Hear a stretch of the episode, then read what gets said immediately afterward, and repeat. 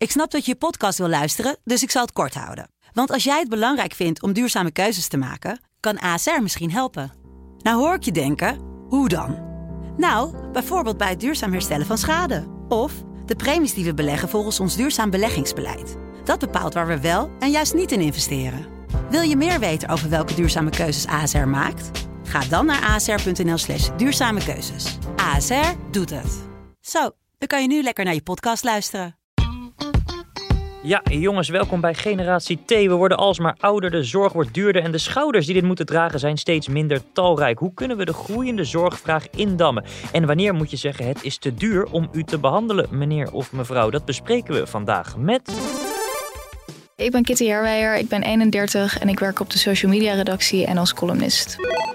Ik ben Koen Nederhof, ik ben 34 jaar en ik schrijf voornamelijk over reizen en toerisme. Ik ben Marle Visser, 35 jaar en ik schrijf over geld. En mijn naam is eh, Jeroen Holtrop, 30 jaar en ik ben eh, verslaggever voor het YouTube-kanaal. En daarvoor uh, nou, rijk een beetje het hele land door. Ja, jongens, gezellig dat jullie er zijn. Welkom. Voordat we naar het onderwerp gaan, moeten we iemand in ons midden feliciteren. Jij, Kitty, gefeliciteerd. Want jij hebt een nieuwe job. Klopt, maar Soort nu van. nog niet, dus vanaf december. Je gaat toch Oké. niet, je gaat Ja. toch niet verlaten, hè? Ik ga jullie niet verlaten, ik blijf eh, in huis. Wat ga je precies doen? Ik word mediaverslaggever. De Ja. nieuwe Rob Goosens. Ja, in de voetsporen van uh, Ja. Rob. Klopt, En, en wat ga je in die hoedanigheid precies doen? Nou, ik werk gewoon op de RTV-redactie, dus alles wat daarbij komt qua tv. ehm, en eh, ik ga me bezighouden met omroeppolitiek, dus wat zich allemaal afspeelt bij eh, de NPO en zo. Ja, Dus, eh, ja. ja, heel leuk. Oké. Eh, nou, nogmaals gefeliciteerd. Dankjewel. Eh, wij gaan even naar een introfilmpje van het onderwerp. De politiek hier in Nederland moet scherpere keuzes gaan maken in de gezondheidszorg. Anders is de zorg straks niet meer te betalen. Dat schrijft de Wetenschappelijke Raad voor het Regeringsbeleid, de WRR, in een rapport. De zorguitgaven bedragen nu zo'n 100 miljard per jaar. Door onder meer vergrijzing en een verslechterende leefstijl is dat over 40 jaar drie keer zoveel. Als de overheid niet snel scherpe keuzes maakt, zouden de kosten straks niet meer op te brengen zijn. Ja. Ehm, Koen, hoe staat eh, de gezondheidszorg ervoor? Dit, dit klinkt vrij onheilspellend natuurlijk. Ja, en daar vraag je ook nogal wat. Het is een sector die ongeveer een, der, of een zesde uitmaakt van, van zeg maar, ons totale uitgaven Ja. in Nederland. Ja, Inderdaad, volgens mij net heel bondig samengevat. Het wordt steeds duurder en op een gegeven moment kunnen we dat niet meer betalen. We worden steeds ouder. Er zijn nu al meer 50-plussers dan 50-minners in Nederland. Dat is een probleem, want naarmate mensen ouder worden, hebben ze meer zorg nodig en kosten ze dus Ja. meer. Ja. Op zich niks mis mee, dat, dat hè, is logisch. Maar op een gegeven moment kunnen we niet meer betalen. Juist. Marlou, Ja, eh, hoe, hoeveel wordt er nu aan, aan gezondheidszorg uitgegeven? vorig jaar in 2020 was dat eh, gemiddeld 6.660 euro per persoon per jaar. Ja. Eh, en bij personen tellen we dus echt iedereen mee in Nederland. Dus ook pasgeboren baby's en ja. hoogbejaarden. Dus ja, wat werkende bijdragen, eh, dat is dus nog veel meer. En waar gaat dat heen? Weet je dat ook? Eh, ja, dat is wel de hele zorgsector. Dus dat is natuurlijk vooral eh, ziekenhuizen, dokters, zorginstellingen, oudereninstellingen. Maar ook bijvoorbeeld kinderopvang, daklozenopvang. Juist. Eh, dat valt daar ook onder. Juist. Ik las in een rapport, ik geloof van de Wetenschappelijke Raad voor Regeringsbeleid, die zeggen van nou ja, één op de zeven mensen werkt nu in de zorg, maar straks hebben we één op de drie nodig. Ja, dat is natuurlijk niet op te brengen, want je hebt nog meer eh, publieke sectoren, politie, brandweer, onderwijs, ambtenaren. Dat, dat wordt ook allemaal uit de staatsruif betaald. Dan zou je eh, straks hebben dat bijna de helft van de mensen betaald wordt door de andere helft van de mensen. Ja. Ja, dat, dat is haast niet te doen. Nee. Eh, dus dat is wel een schrikbeeld. mhm. Waar ligt dat aan eigenlijk? Hè? Stel dat we ernaar streven dat, dat het wel lukt, hè? dat je veel meer mensen richting de zorg eh, krijgt. Eh, eh, hoe, hoe zou je dat dan moeten doen? Nou ja, dat gaat ons ontzettend veel geld kosten. Dat is wel een ding dat zeker is. En dan kun je nadenken van ja, gaan, gaan zorggebruikers dat zelf meer betalen? Of gaan wij allemaal dat meer betalen? Ja, Eh, want anders is het eigenlijk eh, Ja. onmogelijk. Want dat is Ja. wel een ding. Hè? Ik bedoel, als je kijkt naar wie het nu betaalt, is het ongeveer twee derde overheid, een derde, een derde komt uit de zorgverzekeringen, volgens mij. Ja, klopt. De zorgverzekering, nou ja, dat, dat getal van 6.660, wat ik net noemde, dat is 555 per maand. Je zorgverzekering is eh nou 120 of zo gemiddeld. Hmm. En dan nog wat eigen risico. Dus ja, daarmee betalen we absoluut de zorg niet. Eh, Ja. Er komt heel veel via de belastingen. Ja, wordt erbij gelapt, zeg maar. Dat betalen we ook.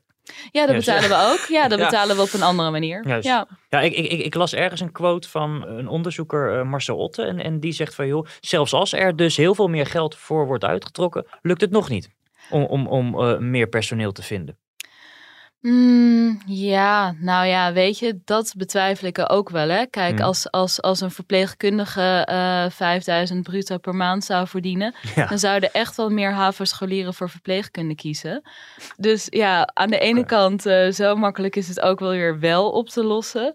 Eh, aan de andere kant, ja, Ja, we hebben, we eh, hebben niet iedereen wil in de zorg werken. Dat, er is wel een einde aan, aan mensen die dat überhaupt Tuurlijk. kunnen en Ja, dat zijn ook beroepen die steeds minder aantrekkelijk worden natuurlijk. Ook, het is een soort spiraal waar je in komt. Er werken steeds minder in. De druk is enorm. Veel burn-outs. Ja, wij hebben allebei toevallig Caroline Koetsenruiter. Die heeft net een boek Ja. geschreven over agressie tegen medewerkers. Nou, zorgmedewerkers krijgen er ook veel mee te maken. Ja, je vraagt je ook af... Zou je er zelf dan zin in hebben? Je verdient niet supergoed. Je hebt met die agressie te maken. Het is dan ook niet eh, altijd een even aantrekkelijk Ja. beroep. Nou ja, je zegt jij verdient niet supergoed. Dat vind ik ook wel een interessant punt. Want wie er wel supergoed verdienen, dat zijn artsen. Ja. Ehm, en ik kan me ook wel een beetje, die, die zitten echt eh, op, op 150 tot 250.000 per jaar, eh medisch specialisten in een ziekenhuis.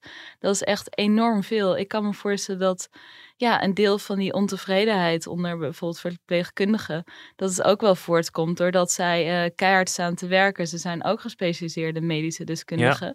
En ze staan naast iemand die gewoon drie keer zoveel vangt voor dezelfde tijd. Ja. Ja, je zet jezelf toch altijd een beetje af tegen anderen. Dus dat. ehm, Ja, Ja. wat ik ook wel hoor is dat, het, eh, dat eh, mensen ontevreden zijn over de managementlagen in de Ja. zorg. Die ontzettend uitdijen en uitbreiden. En je had ook die partij NL Beter. ehm, en dat was ook opgezet ook deels door eh, artsen. Door Esther van Venema, die psychiater is. En die zeiden dat 20% eigenlijk eh, van die managementlaag kan eruit. Ja. En dat kun je investeren eigenlijk in, in handen aan het bed ja, ja, dat zou natuurlijk ook ontzettend schelen. Dus je hebt niet altijd maar meer geld nodig, maar ook ja, een andere indeling. Of het geld wordt ook niet besteed waar we dat eigenlijk als maatschappij het liefst zouden zien. ja, al is het ook weer niet helemaal zonder managers. Is ook niet alles. Bijvoorbeeld buurtzorg staat erom bekend dat ze geen managers hebben. En een vriend van mij die werkte al als psychiater. En die zegt, ja, soms zit ik gewoon een ochtend lang printpapier te bestellen. Ja, Met nee, mijn dat, dure dat, psychiater. eh, dat slaat natuurlijk nergens op. Ja. Maar er zijn wel Ja. voorbeelden dat management in de zorg gewoon Ja, eh, zeker. niet, niet goed functioneert. Of eigenlijk de mensen op de werkvloer heel erg opzadelen met papierwerk. Ja. Waardoor het werk ook steeds minder eh, interessant Ja. wordt. En die lagen hebben volgens mij ook allemaal het doel tot het winstgevend maken van het bedrijf waar ze werken. Want in feite is de zorg gewoon vaak toch wel een bedrijf.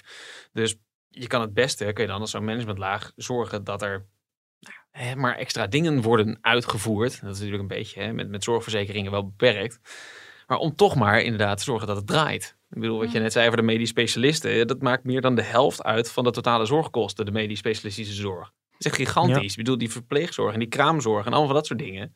Ja, Eh, Nothing in comparison Hmm. tot wat er in ziekenhuizen gebeurt. ja, die prijzen Ja. zijn ook eh, idioot. Nou weet ik heel toevallig, Koen, van jou dat jij eh, ooit een ritje hebt gemaakt in de ambulance. 690 euro. dat was na 12, daardoor was het duurder. Eh, Maar ik, moet Koen, vertel even, waarom eh, maak jij een ritje met de ambulance? ik, was me, ik was mijn hoofd gevallen. Ik was eh, gevallen met fiets. Ik kwam uit mijn werk.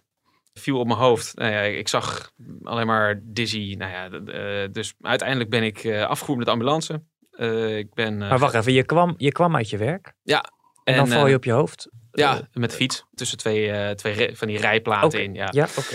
Ben gehecht aan mijn hoofd. Ik ben in een CT-scan geduwd. Omdat ze dachten dat ik een hersenschudding had. Ben in het gips gezet. Bleek niks gebroken te hebben. Wat in je gips? Het, ho- je hoofd. Nee, mijn arm was, was, was ik ook nog. Ik dacht al. Ja. Nee, en uiteindelijk was het kostenplaatje was iets van 2500 euro of iets dergelijks. Terwijl het... het, het Dat vind ik nog best meevallen. nou ja, maar tegelijkertijd had ik wel zoiets van... van wow, dit, dit is wel echt heel duur. En voor ook wel wat dingen waarvan ik dacht... Ja, misschien niet helemaal nodig. Maar ja, goed, ik ben geen medicus. Kijk, ik, achteraf, als ze me niet in een CT-scan hadden gedouwd... en ik had gezegd, ja, joh, Exact. had het wel even gedaan, want dan hadden jullie gemerkt dat ik een inwendige bloeding in mijn hoofd had, dan had Ja. ik ook boos geweest. Dat vind Ja. ik heel lastig. Het- Wel om aan te geven, ik schrok hoe duur het was. Maar je hoefde dat toch niet zelf te betalen? Ja, eh, nou in ieder geval mijn eigen risico. En maar mijn eigen risico had ik volledig opgehoogd. Dus de eerste 885 euro, die kwamen gewoon Oh ja. vrolijk uit mijn eigen Ja, portemonnee. het is eigenlijk zodra je het ziekenhuis binnenstapt, ben je je eigen risico al kwijt. Ja. Het is echt heel duur en ze werken ook met diagnose-behandelcombinaties, waardoor eh, niet echt de werkelijke kosten worden berekend, maar het valt in een categorietje en er hoort een prijs bij. Dus het kan ook gebeuren dat mensen eh, binnenkomen eh, met een wond die misschien een beetje eng blijkt te bloeden, maar waar een, een goede pleister van de verpleegster en een kusje op je hoofd ook voldoende is. En dat je er dan toch geen rekening van meer dan 1000 euro Ja. voor krijgt. Dat, dat komt dus voor. Ja. Hey, even de, de, de ethische kant hè, eh, van, dit verhaal. Als we daar een beetje die hoek op gaan. Hoeveel mag een mensenleven eigenlijk kosten? Daar is een simpele berekening voor. Dat is voor diezelfde raad. Die heeft op een gegeven moment gezegd: Ja? van, ja, luister, per gewonnen gezond levensjaar Ja? zou je in de zorg 80.000 euro mogen uitgeven. Dus Oké, stel, hè, met jou is iets aan de hand. ja. En we gaan kijken van, hey, gaan we jou behandelen of niet? Nou, dan is gewoon de vraag van, hey, ben jij, eh, als je dan volgend jaar nog in leven bent en je, hè, en, en je kan dit, dat jaar goed Ja. doorbrengen, is dat meer of minder dan 80.000 euro? Meer? Juist. Nee, gaan we niet doen. Minder? Ja, gaan we wel doen. Dat is alleen een berekening die niet wordt toegepast. Het is niet zo dat, Nee. eh, bedoel, er Het is wordt geen, niet uitgevoerd natuurlijk. Nee, want er is geen, geen partij in de Tweede Kamer, of althans, ja, misschien zijn ze er wel, maar zeggen ze het niet hardop, Hmm. die daar eens een keer echt werk van wil maken. Die discussie vinden we veel te eng om te voeren, omdat je En wat gaat- vind jij van die discussie? Jij zou er daar wel werk van maken. Van, nou, Ja, als het dan boven de 80k is, dan... eh, Ja, absoluut. Ja, omdat je op een gegeven moment, hè, je moet gaan constateren, van de zorg kunnen we straks niet meer betalen. Is echt niet mogelijk. En dan heb je dus een hele zeldzame ziekte, je zoontje. En eh, eh, Ja, dat, dat- kost eh, anderhalve ton. Precies, en Wat dat dan? zijn, dat zijn de, de schrijnende gevallen waar je dan bij uitkomt. Dan heb en, je pech. Ja, daar komt het dan op neer. En tegelijkertijd weet ik ook dat als dat mijn kind zou betreffen, dan zou ik echt door de grond gaan van, van wat, er, Ja, tuurlijk. weet je, wat er dan op je afkomt. In het grotere plaatje moet je daar wel op uitkomen. En ik zeg niet dat dit de grens is. Ik ben meer voor een soort fluïde grens. Waarbij Hmm. eh, je, je kan allerlei grenzen trekken. Ik ben ervoor om te zeggen van nou weet je, bijvoorbeeld naarmate je leeftijd hoger wordt, trekken we die grens Ja. omlaag. En de grens trekken we omhoog bij kinderen. Maar je moet ergens een grens gaan trekken. Bij wat mag dit in vredesnaam allemaal kosten? Want het is te veel. Ja. Ik, We- we gaan- ik, ja? ik denk ook dat zo'n harde grens dat dat een heel goed teken kan zijn naar farmaceutische bedrijven. Want die, die gooien soms de prijs van eh, medicijnen voor zeldzame ziekten echt extreem omhoog. En als je gewoon echt een harde grens hebt van nou 80k per jaar, dat mag het kosten.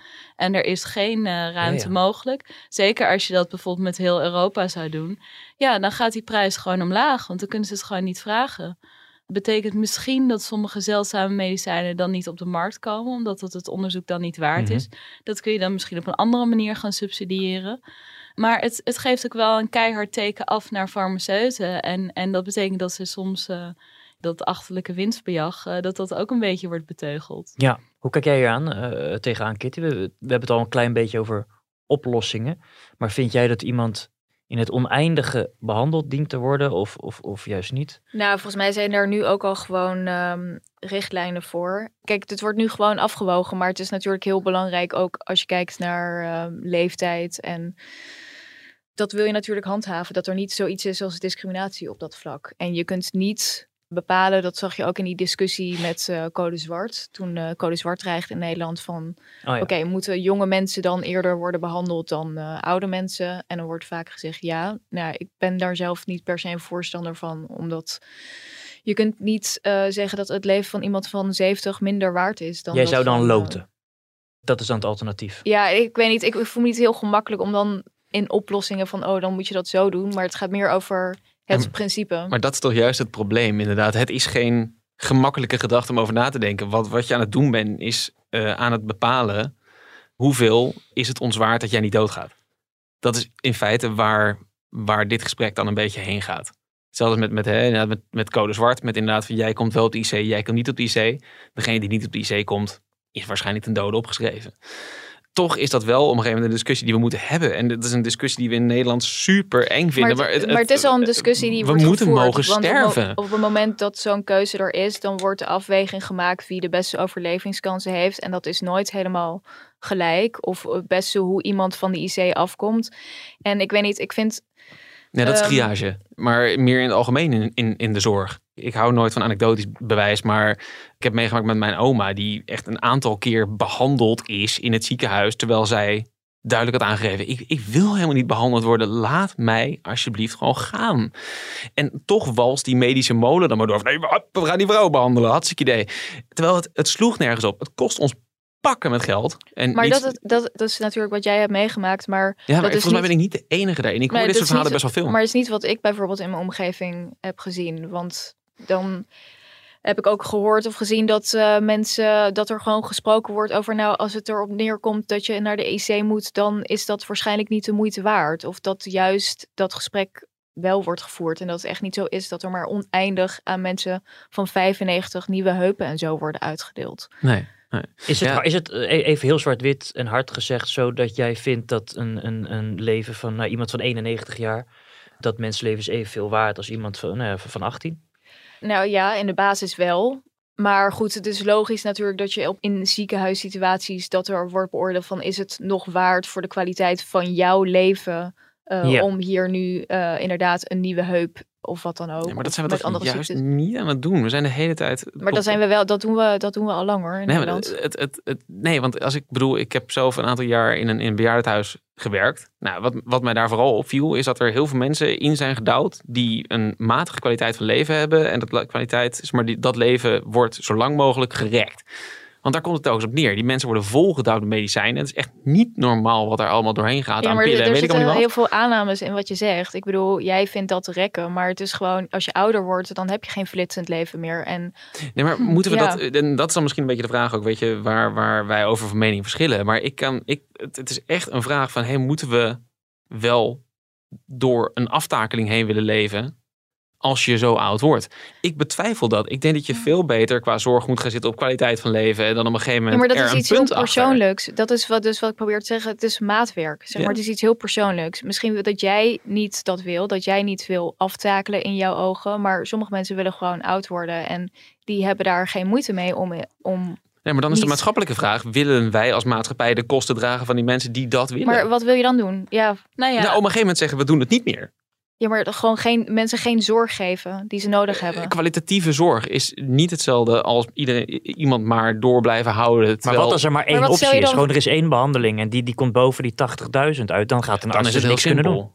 Ja, dan is het heel simpel. Dan kan het dus niet. Dan hebben we daar een Maar dan grens gaat er iemand, Dan, dan, gaat er iemand dus dood. Dat is niet zo erg. Nee. Maar een van de grootste kostenposten zijn gewoon dingen als eh, wijkverzorging, eh, verpleging. Nee, dat is, eh, dus, dat is dus niet waar. Het is echt die medisch specialistische zorg. Daar zit echt by far de meeste geld ja, maar wat erheen goed. gaat. Maar dat is toch niet alleen voor ouderen? Dat als jij naar een Nou, specialist moet, dan... De ouderen, ik bedoel, ja, daar ga ik wat statistieken wapperen. Maar een 85 tot 89-jarige kost ongeveer, en dat is alleen vanuit de basisverzekering, bijna 10.000 euro per jaar. Boven de 90 is dat richting de 11.000. Nou, dat vind ik niet zo heel veel. Ik vind bedoel, je hebt je hele leven belasting betaald. Nee, maar jij bent, hoe oud? Ja, ja, goed, je zit rond de 30. 31. Ja, there you go. Eh, dan zitten vrouwen wat hoger dan mannen. En dat komt omdat ze zwanger worden in die leeftijd. Maar dan zit je rond de 2000. Dat is nogal een verschil. Dus ja, het zijn de ouderen Maar, ja, die dat- veel meer kosten. Dat is niet gek. maar waarom is dat... Ja, Nee, dat, is- dat, dat ken ik toch ook niet? Nee, ja, je zegt net dat het niet per se de ouderen zijn.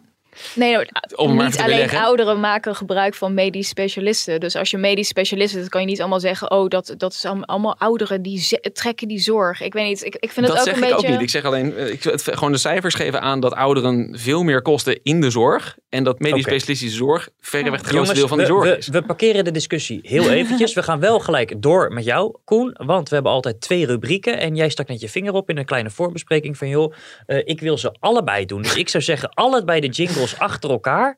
Gecanceld. Gecanceld. Gecanceld. Je doet nu echt niet meer mee.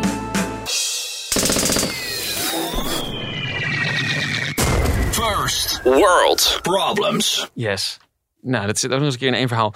Eh, ik wil heel graag de winter dan wel zomertijd, of in ieder geval die overgang tussen die twee cancelen. Dat heeft er niet mee te maken dat ik eh, op. eh, Ik dacht even dat je bij bejaarden ging cancelen. Nee, absoluut niet. Nee, het probleem daarmee is dat, weet je, ik vind het allemaal prima hoor, die winter en die zomertijd. Ik heb er geen last van. Maar als je een klein kind thuis hebt rondlopen, die schakelt die mee. Dus dat betekent dat als je naar Oh, de ja. wintertijd gaat, dan ben je niet om half zeven wakker. Ja. Dan ben je om half zes wakker. En dat, en dat duurt best wel lang.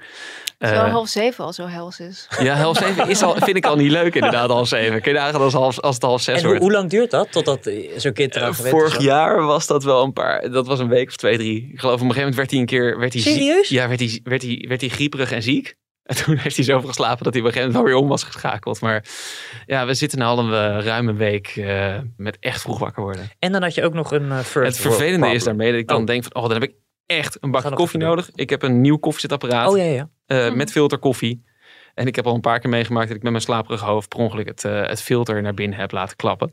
Maar wacht, filterkoffie, is dat weer ehm, terug? Ja, ja zeker. Ja, ja het, is- het werkt echt heel goed. Ehm, alleen niet als je je filtertje naar binnen laat klappen. Misschien kan iemand een GoFundMe oprichten voor Koen. Want dit Ja, is wel echt dit- heel naar. Ja, dit is Ja. echt erg. Dit is heel Ik, bedoel, ik kan ook al de cupjesmachine niet gebruiken van Lindsay, want die is vorige week al gecanceld. ja, ja, klopt ja. ja. Gelukkig hebben we hier op de Telegraaf echt verrukkelijke automaten koffie. Heerlijk. Ik ben net op het Justitieel Complex in Schiphol geweest. Nou, wat daar uitkomt is... Oh, dan drink ik nog liever die filterkoffie die naar binnen Ja, klapt. je moet het ook afschrikken, hè, criminaliteit. We gaan terug naar het onderwerp, jongens. Eh eh, Marlou. Ja. Eh, ja. Ik moet je even het woord geven, want het ging net de hele tijd tussen Koen en eh, Kitty natuurlijk eh, ja, heen en weer. Kunnen we op een manier voorkomen dat mensen, eh, ja, ervoor zorgen dat mensen minder ziek worden? En dan doe ik op roken, suiker, alcohol. Ehm, ja, natuurlijk, dat helpt. Ik hoorde net dat ongeveer 20% van onze zorgkosten ligt aan leefstijlgerelateerde aandoeningen. Ja. Dus door, door roken, door drinken, eh, door te dik zijn.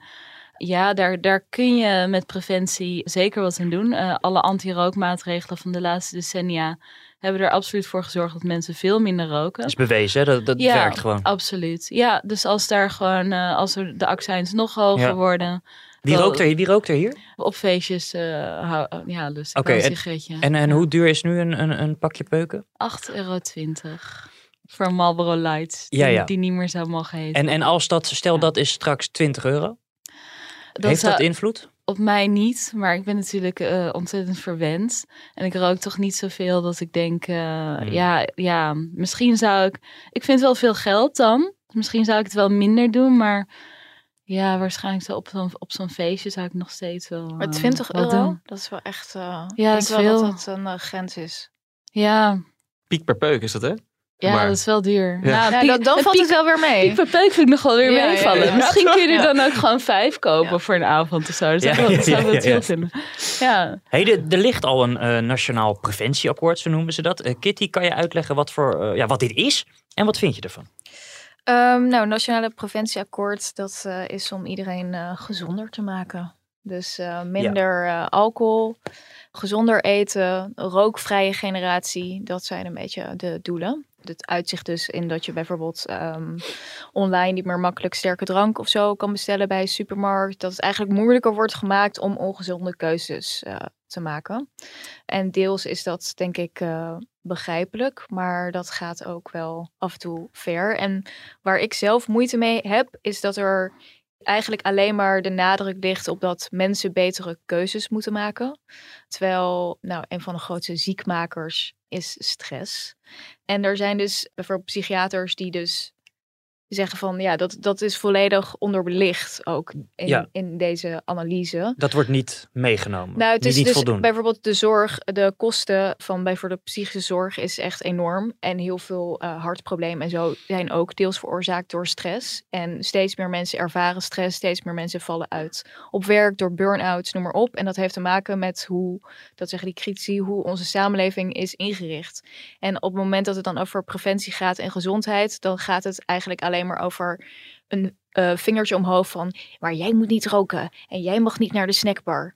Terwijl je- Betutteling zeggen ze dan. Hè? ja, Mm. terwijl eigenlijk zou je natuurlijk, eh, gezondheid is veel breder. En als je ziet dat stress een ontzettende ziekmaker is, dan zou je moeten nadenken over hoe je je maatschappij gezonder kunt maken op heel veel andere manieren. Hoe, hoe kan dat dan? Hoe, hoe kan je dat? Want wat, kijk, zoiets als eh, drankgebruik kan je natuurlijk heel makkelijk. Ja, accijns, voor- dat is heel makkelijk. Hoe, hoe kan je nou, nou die burn-outs dan voorkomen? Ja, dat heeft natuurlijk veel meer maatschappelijke oorzaken. Dus ook Mhm. eh, als je kijkt naar waar zijn mensen in de wereld het gezondst, dan heeft dat ook vaak te maken met eh, ja, bepaalde maatschappelijke structuren die wat sterker zijn. Dus minder individualistische samenlevingen zijn meestal eh, wat gelukkiger. Nou, niet, niet extreem, want als het heel collectivistisch worden mensen weer ongelukkig. Maar dat soort dingen, of bijvoorbeeld gewoon minder werkstress, flexibeler dingen kunnen indelen. ehm, dus niet de hele Ja. basis die is wegbezuinigd qua ehm, flexcontracten. Ah, ja, allemaal dat ja. soort dingen. Daar krijgen mensen ontzettend veel stress van. Dingen die steeds slechter geregeld zijn. Daardoor ervaren mensen stress. En prestatiedruk wordt vaak genoemd. Daardoor ontwikkelen mensen eh, angststoornissen en depressies. Het je, knikt is. instemmend. Ja, het eh, ontlasten van mantelzorgers zit hier ook in. Ja, het Ja. is heel, heel grappig. Je zou verwachten dat RIVM het niet met jou eens is. Dat die voor het, het preventieakkoord zijn. Maar ik, ik kwam een onderzoek tegen van het RIVM. Waarbij ze keek van wat, hoe kan je nou preventie inzetten om financiële winst te maken in de zorg. Ja.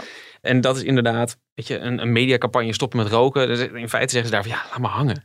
Het is veel beter om bijvoorbeeld hè, te zeggen van hé, hey, we gaan bepaalde groepen in de samenleving voortijdig regelmatig scannen op beginnende huidkanker. Dat het veel zinvoller is dat Ja. te doen dan de Ja. mensen die uiteindelijk huidkanker krijgen. ja, net zoals wat In je hebt met baarmoederhalskanker. Dat elke Ja. vrouw krijgt. Oh eh, Maar wat er bijvoorbeeld ook in zit, is inderdaad, hè, eh, inderdaad voorkomen van stress staat erbij. eh, de arbeidsproductiviteit gaan ook eens een keer voor uit. Eh, bijvoorbeeld het voorkomen van depressies bij kinderen van ouders die psychische problemen hebben. Ja. Depressie is heel duur. Weet je, dat speelt een rol. Maar bijvoorbeeld wat er ook in staat, ja, heel simpel. Een heleboel dingen denk je niet aan gezondheidswinst. Maar als je een milieuprobleem oplost, heb je ook veel minder fijnstofuitstoot. En dat scheelt gewoon heel erg in je zorgkosten. ja. Hmm. Je hoeft niet eens per se direct te denken inderdaad aan van nou, roken. Ik bedoel, roken vertalen we één op één met longkanker. Maar ook gewoon prima met, met van goh, we gaan eens even kijken of we snel kunnen zorgen dat we allemaal elektrisch rijden. Want dat scheelt gewoon een bak. Hmm. Ja. Of we sluiten Tata Steel of eh, weet je, noem maar wat. Ik bedoel, ik kan me voorstellen dat dat een hoop verschil maakt. Ja. Ehm, Ja. Vervelend is alleen een beetje dat we voor preventie trekken we, we hadden net die 80.000 euro. Ja. Bij preventie hebben we die grens gesteld op 20.000 euro. Dus we vinden Oh, ja. pleisters plakken veel belangrijker dan voorkomen dat mensen pleisters nodig hebben. En soms letterlijk. Ja, maar heel veel zorg kun je natuurlijk ook niet voorkomen. Er is wel natuurlijk de laatste tijd, er wordt heel- weer heel erg gedacht van, oh het is allemaal maakbaar en je kunt er eigenlijk door je leefstijl voor zorgen dat je niet ziek wordt. Maar dat is natuurlijk ook een illusie. Kijk, Nee, maar als je oud wordt zul je gewoon bepaalde zorg nodig hebben die veel geld kost. En dingen als steunkous en zo, ja dat, dat zullen mensen gewoon nodig hebben. Daar zullen we weinig aan doen. Ja, maar bijvoorbeeld maar een dus- valtraining bij ouderen is wel zoiets wat, wat werkt. Een valtraining Oh ja. geven is veel goedkoper Ja, ja. dan dat een heleboel Ja. ouderen eh, zichzelf in de brokken vallen. Ja. Nou, het is ook zo. We hebben volgens mij 1 miljoen mensen in Nederland die diabetes hebben. En een klein deel daarvan is aangeboren, maar de meeste komt echter dat ze overgewicht hebben. Ja. En de meeste mensen die op een rigoureus koolhydraatarm dieet worden gezet, die kunnen gewoon van de medicatie af.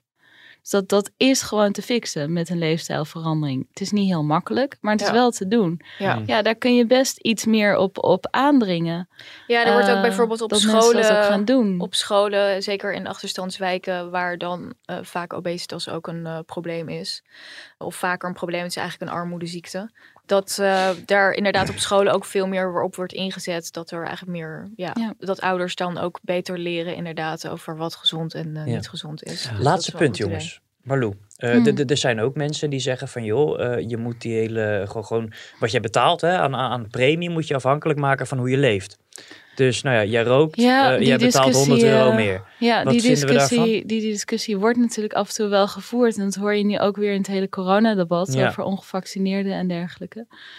Ik vind dat een nogal hellend vlak. Het is ook heel lastig om dan te zeggen van ja, waar, waar trek je de grens? Ik sport ook heel veel, dat is in principe gezond. Maar ja, met sport kun je ook op je elleboog Ja, vallen en ja. die breken. En, eh, En welke Ja, sport is dan is- gezond? Een marathon Ja. is niet lopen, is niet gezond. Nee, zeker niet gezond. Of, of een motocrossen of uh, En hoe ga je het controleren, hè, of is allemaal wel? ook, ja, is ook allemaal niet te doen. Nou, ik moet wel zeggen, voor mijn overlijdensrisicoverzekering betaal ik wel een iets hogere premie. Omdat ik inderdaad eerlijk heb gezegd dat ik wel eens rook. Dus Ah, dat, dat heb je, het scheelde niet veel hoor, een paar dubbeltjes. Eh, dus je hebt het soms wel, maar ehm, ja, met de zorgverzekering, ik vind dat toch wel, ja, toch wel heel lastig. En, Het is bijna en- niet een uit te enorm voeren, hellend vlak, bijna niet uit te voeren.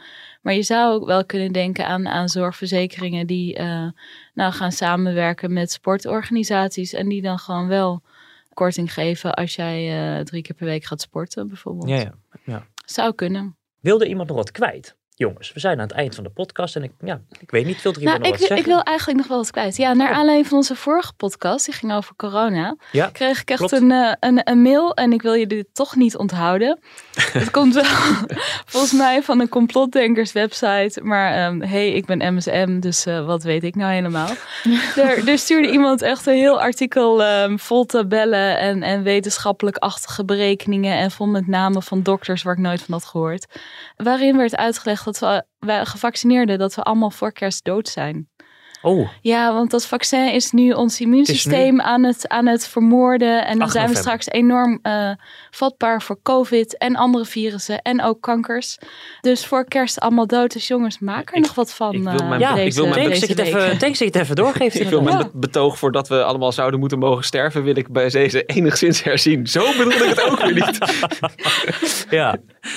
En maar, maar even, wat dan, dan ben jij in een hele mailwisseling bela- beland. Dan Ja ik, ben- ja, ik had hem teruggemaild. Ik zei van, joh, zullen we anders na kerst nog even mailen als, als blijkt dat de straten niet bezaaid liggen met lijken. Hij zegt, ja prima, ik mail je wel. Maar dan ben jij er niet meer om die mail te openen.